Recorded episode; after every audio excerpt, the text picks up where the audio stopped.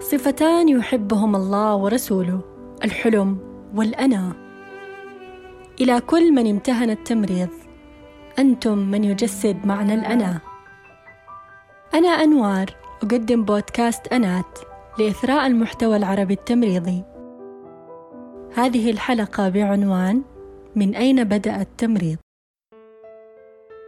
هل فكرت يوما من أين جاءت كلمة ممرضة؟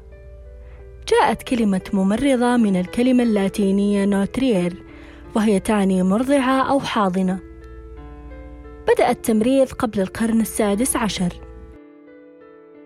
وفي العام 620 للميلاد أصبحت رفيدة بنت سعد أول ممرضة إسلامية. نشأت رفيدة في عائلة لها صلة قوية بالطب فوالدها سعد الأسلمي كان طبيب ومعلمها الخاص آنذاك. حيث اكتسبت رفيدة منه خبرتها الطبية وقد كرست نفسها للتمريض ورعاية المرضى. فكانت رفيدة الأسلمية خيمتها أشبه بالمستشفى العسكري الذي تداوي فيه الجرحى. يقال أن رفيدة أيضا كانت تمد الجنود الجرحى بالرعاية أثناء الجهاد وتوفر المأوى من الرياح وحرارة الصحراء القاسية لمن هم على وشك الموت. خصص رسول الله صلى الله عليه وسلم جزء من الغنيمة لرفيدة حيث كان دورها يعادل دور الجنود المقاتلين وهذا طبعا عرفان بدورها الطبي. في العام 1853 اندلعت حرب القرم بين الإمبراطورية الروسية والدولة العثمانية. وكانت بريطانيا آنذاك تحارب إلى جانب الدولة العثمانية. طبعا الحرب أدت إلى سقوط عشرات الضحايا من الجانبين.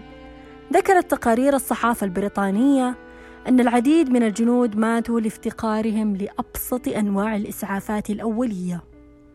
طبعا هذا كان بمثابة الصدمة للرأي العام البريطاني. في وقت لاحق طلب من فلورنس نايتنجيل بمساعدة صديقتها سيدني هربرت السفر إلى جزيرة القرم لتدريب وتنظيم مجموعة من الممرضات.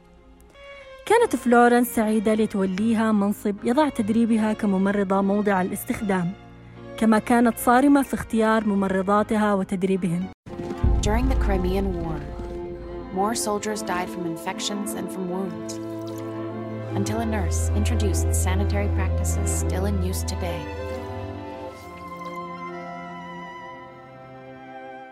أطلق عليها لقب السيدة حاملة المصباح لأنها كانت تخرج في ظلام الليل إلى ميادين القتال وهي تحمل مصباحا بيدها للبحث عن الجرحى والمصابين وإسعافهم.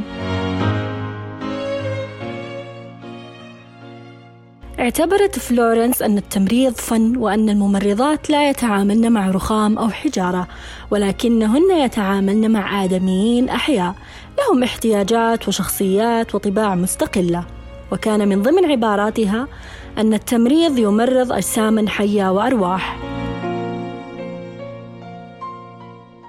بعد الحرب استمرت واهتمت فلورنس بالنظافة وقواعد التطهير وبتمريض الصحة العامة في المجتمع وتعتبر أول من وضع قواعد للتمريض الحديث وأسس لتعليم التمريض ووضعت مستويات للخدمات التمريضية وقد خلدت ذكرى ميلادها الثانية عشر من مايو وأصبح هذا اليوم هو اليوم العالمي للتمريض.